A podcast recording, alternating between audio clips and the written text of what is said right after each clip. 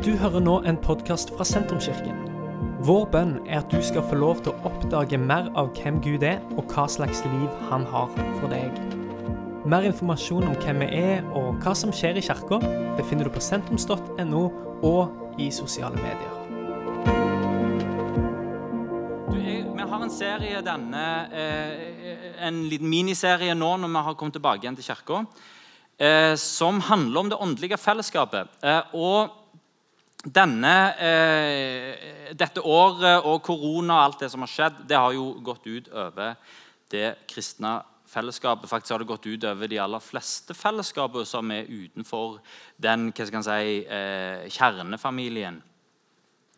Eh, og det gjør at det er folk som har fått eh, utfordringer med troen. Fordi det er vanskelig å være kristen alene. Faktisk, det å være en kristen alene, det, det, er, det er per definisjon så er den ikke det, fordi den kristne troen er kobla til et fellesskap.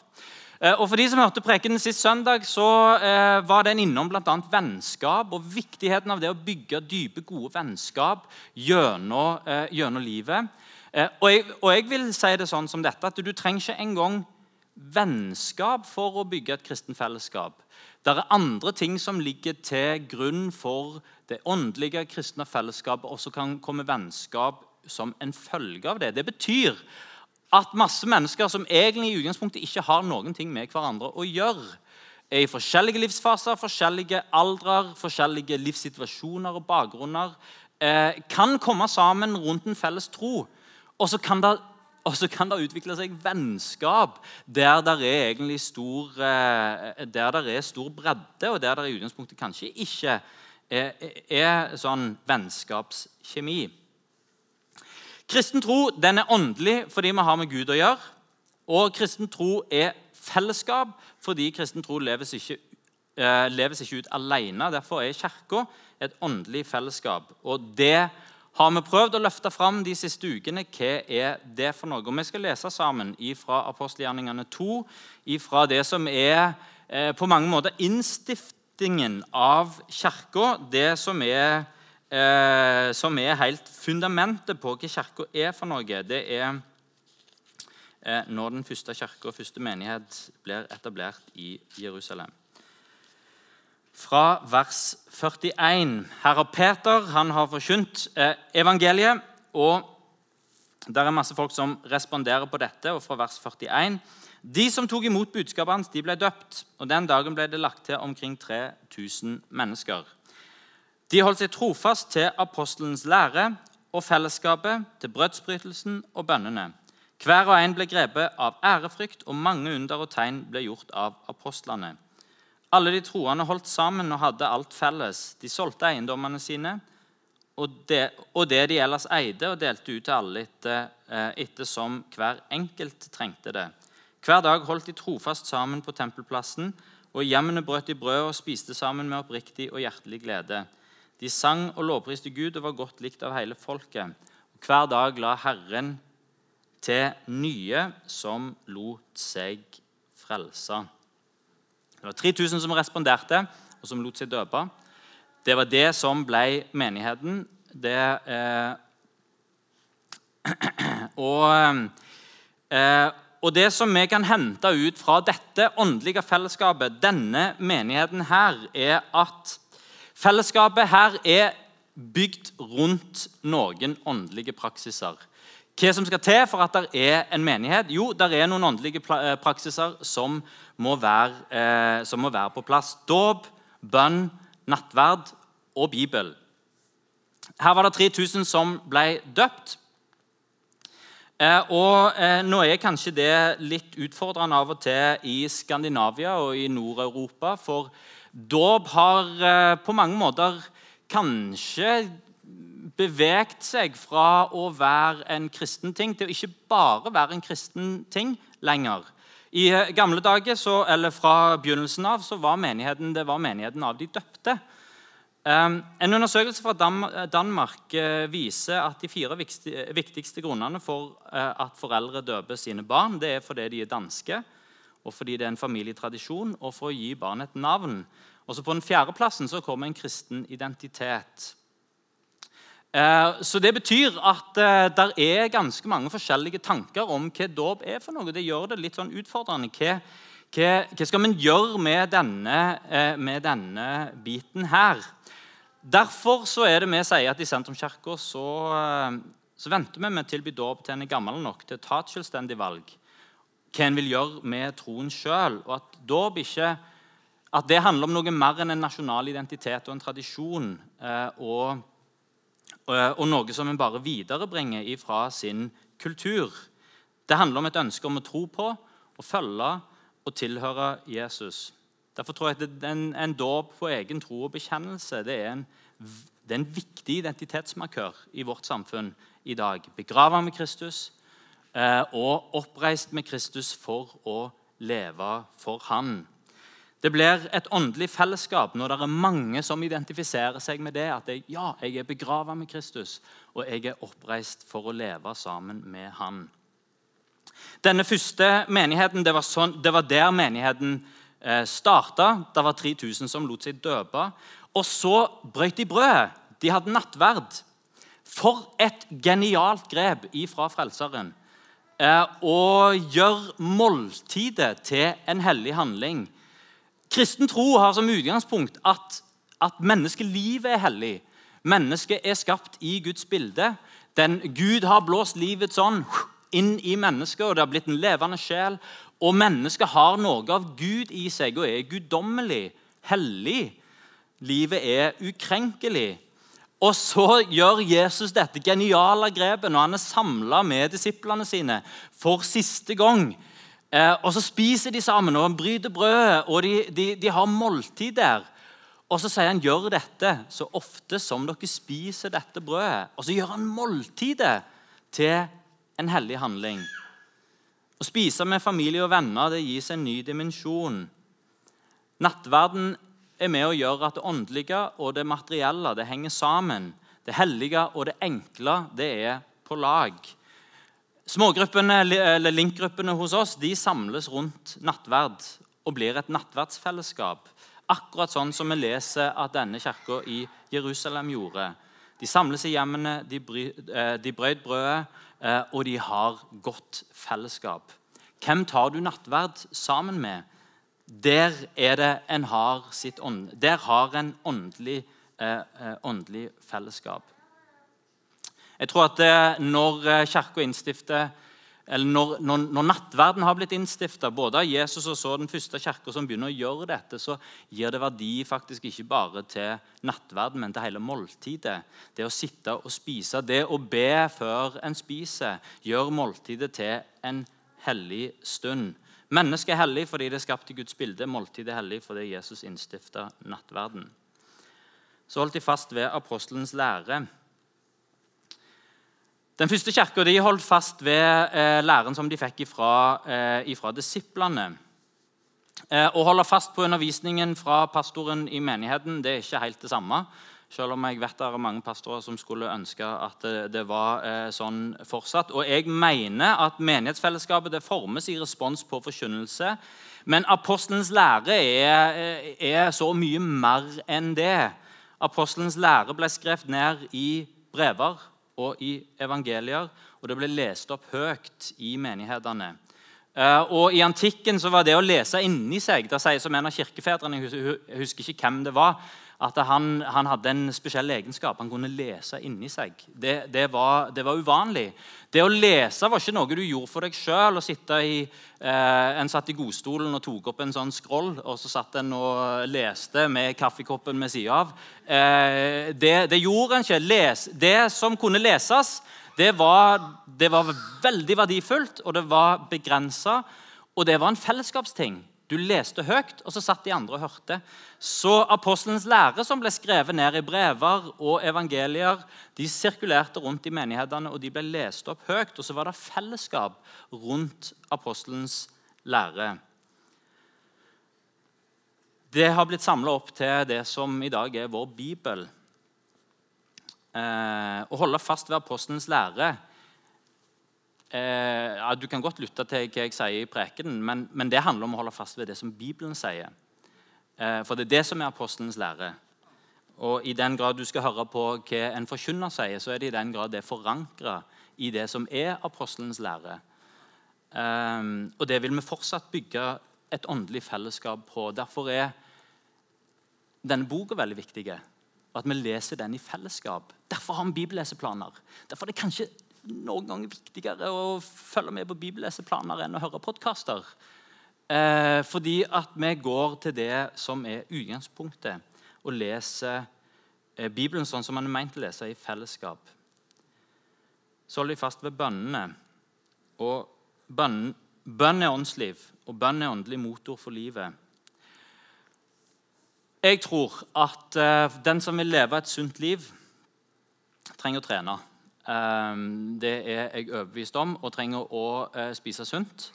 Og jeg prøver mitt beste. Jeg klarer iallfall å springe en gang i uh, uka. Og jeg uh, drikker altfor mye kaffe, men jeg klarer å spise forholdsvis sunt.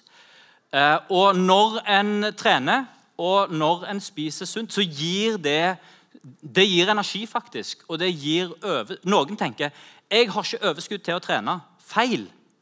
Det er Når en trener, så gir det overskudd og energi i møte med en krevende hverdag. Eh, og Det samme gjelder det å ha rett kosthold. At ja, det er for mye stress å tenke på det. Jeg spiser det som ligger i frysen, og det er Grandiosa. Eh, men når en tar tak i dette, så gir det energi for, for hverdagen. Noen tenker jeg har ikke tid til å be. Men bønn gir sunnhet, og det gir liv og det gir helse for hele oss. Det er en motgift mot vår hyperpåkoblethet i dagens samfunn. Eh, og er ikke bare en av de tingene i mengden som prøver å få vår oppmerksomhet. Bønn det kobler oss av stresset, og det kobler oss av fred, på fred, og det kobler oss på ro, og det gir energi. Å være et fellesskap som ber sammen, det hjelper oss til å koble av stress og til å koble på Gud. Et åndelig fellesskap som ber. Det som vi leser om denne om kirka i Jerusalem, og som beskriver hvordan menigheten er tenkt å være, eh, det er et fellesskap med åndskraft. For det skjedde tegn og under med apostlenes hender. De sang lovsanger, og de lova Gud.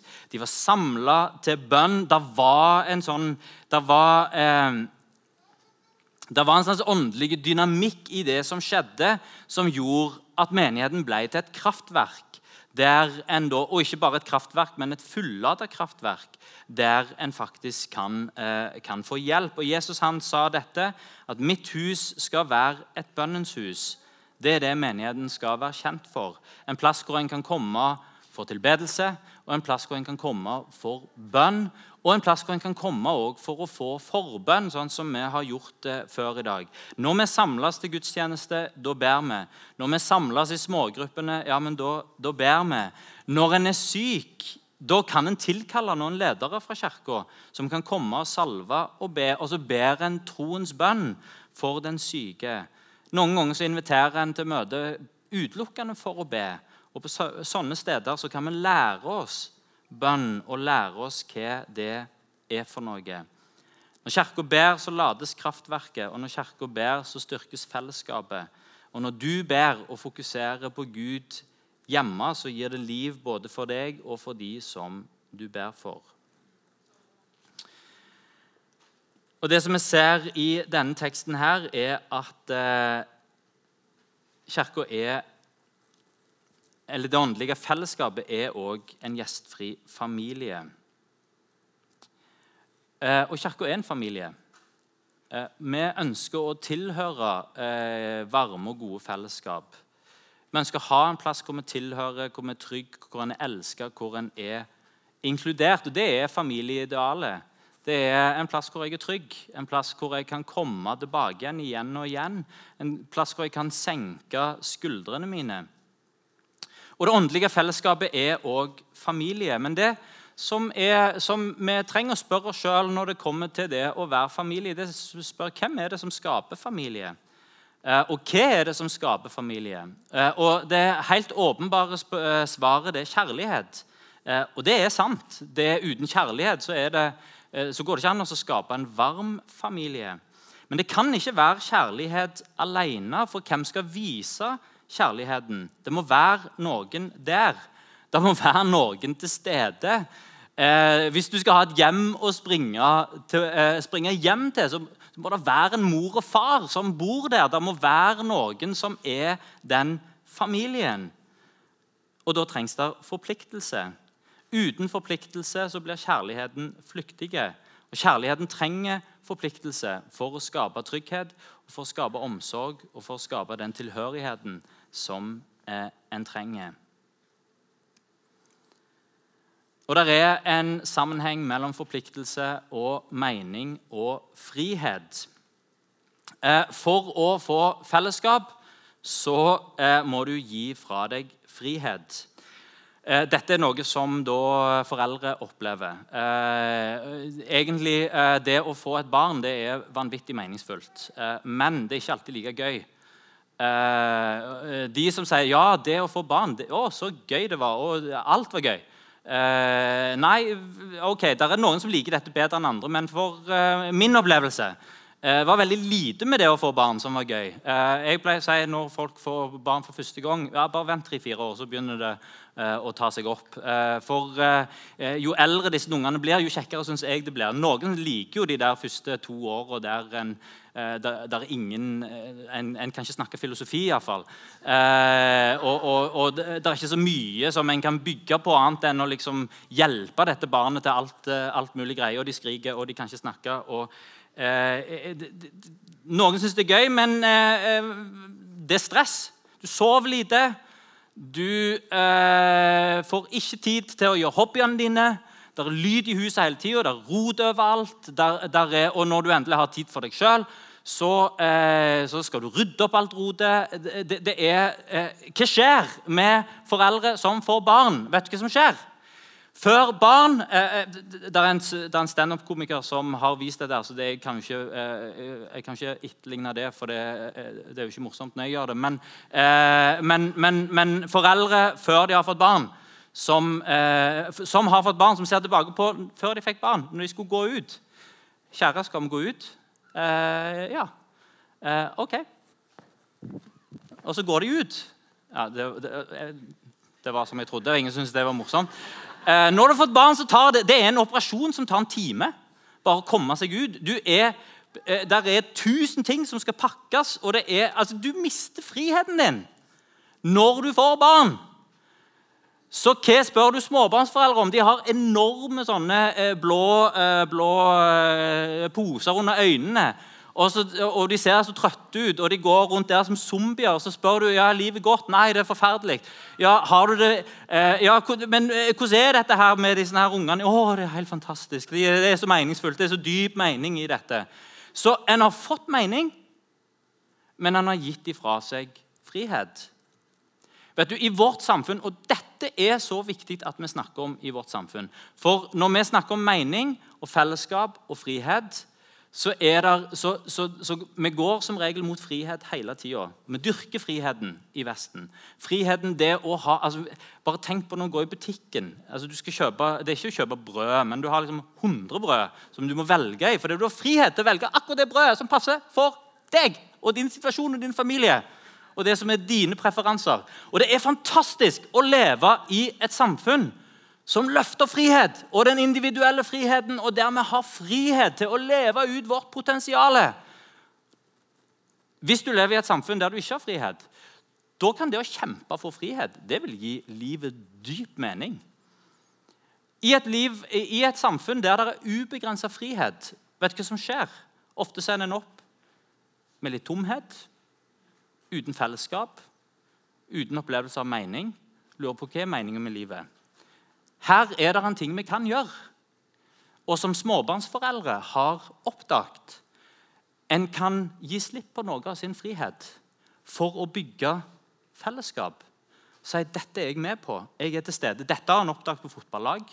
Der, ja, men det er oss, og vi, vi spiller på dette laget. Og eh, Vi kommer på trening, og vi er der på kamp. Og så bygges der et familielignende eh, eh, fellesskap. Det gjorde denne gjengen her. De holdt fast ved fellesskapet. De skapte et fellesskap med sterke familieegenskaper. Så sterke at de kalte hverandre brødre og søstre.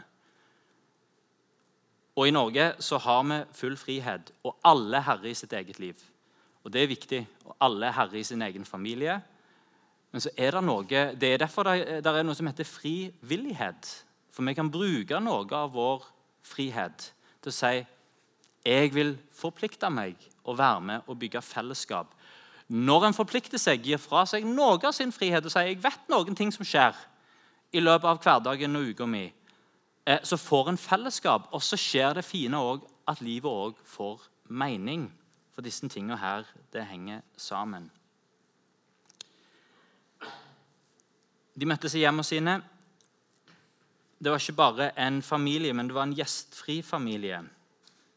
De møttes i hjemmet, de spiste sammen med oppriktig og hjertelig glede. Og Den type gjestfrihet som åpner opp hjemmet sitt, den type gjestfrihet ønsker vi at hele kirkefellesskapet skal være. At Det å komme til kirka er en plass hvor du blir tatt godt imot. Men at det òg går videre til livet vårt.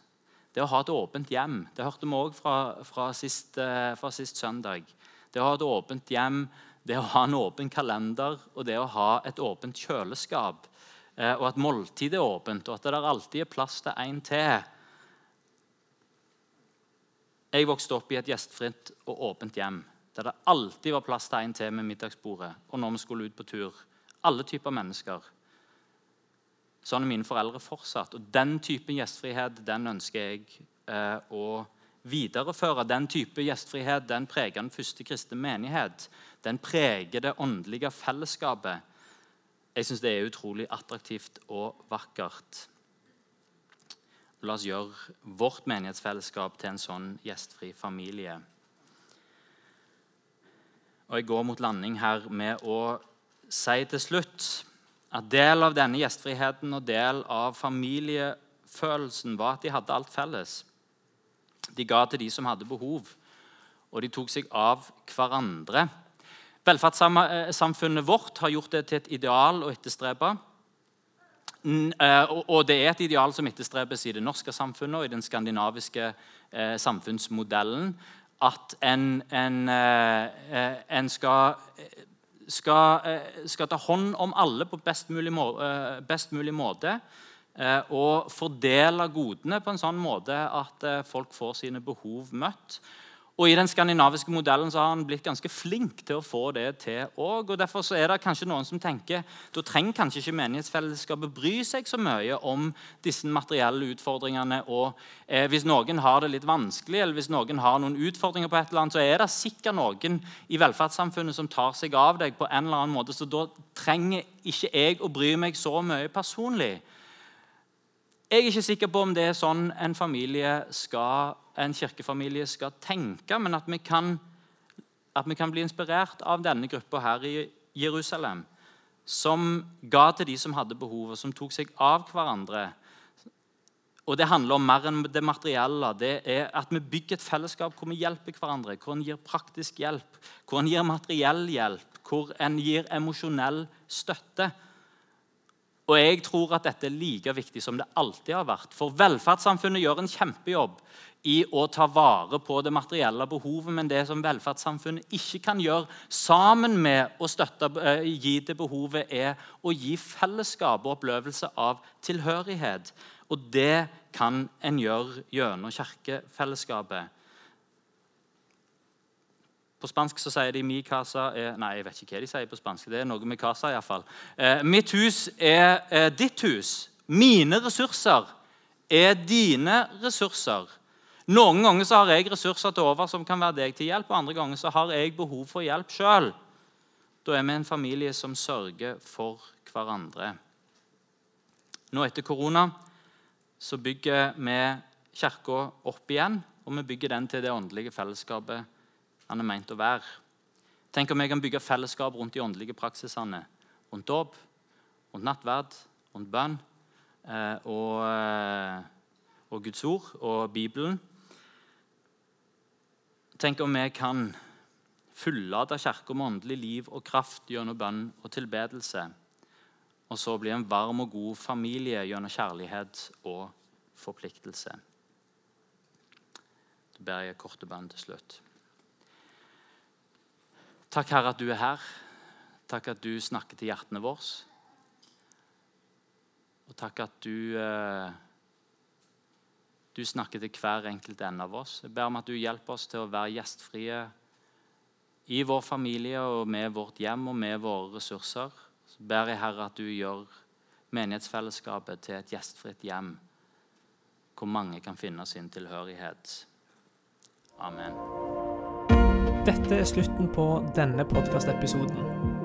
Har du spørsmål om Jesus, om tro, om livet, så er du hjertelig velkommen til å ta kontakt med oss via sentrums.no.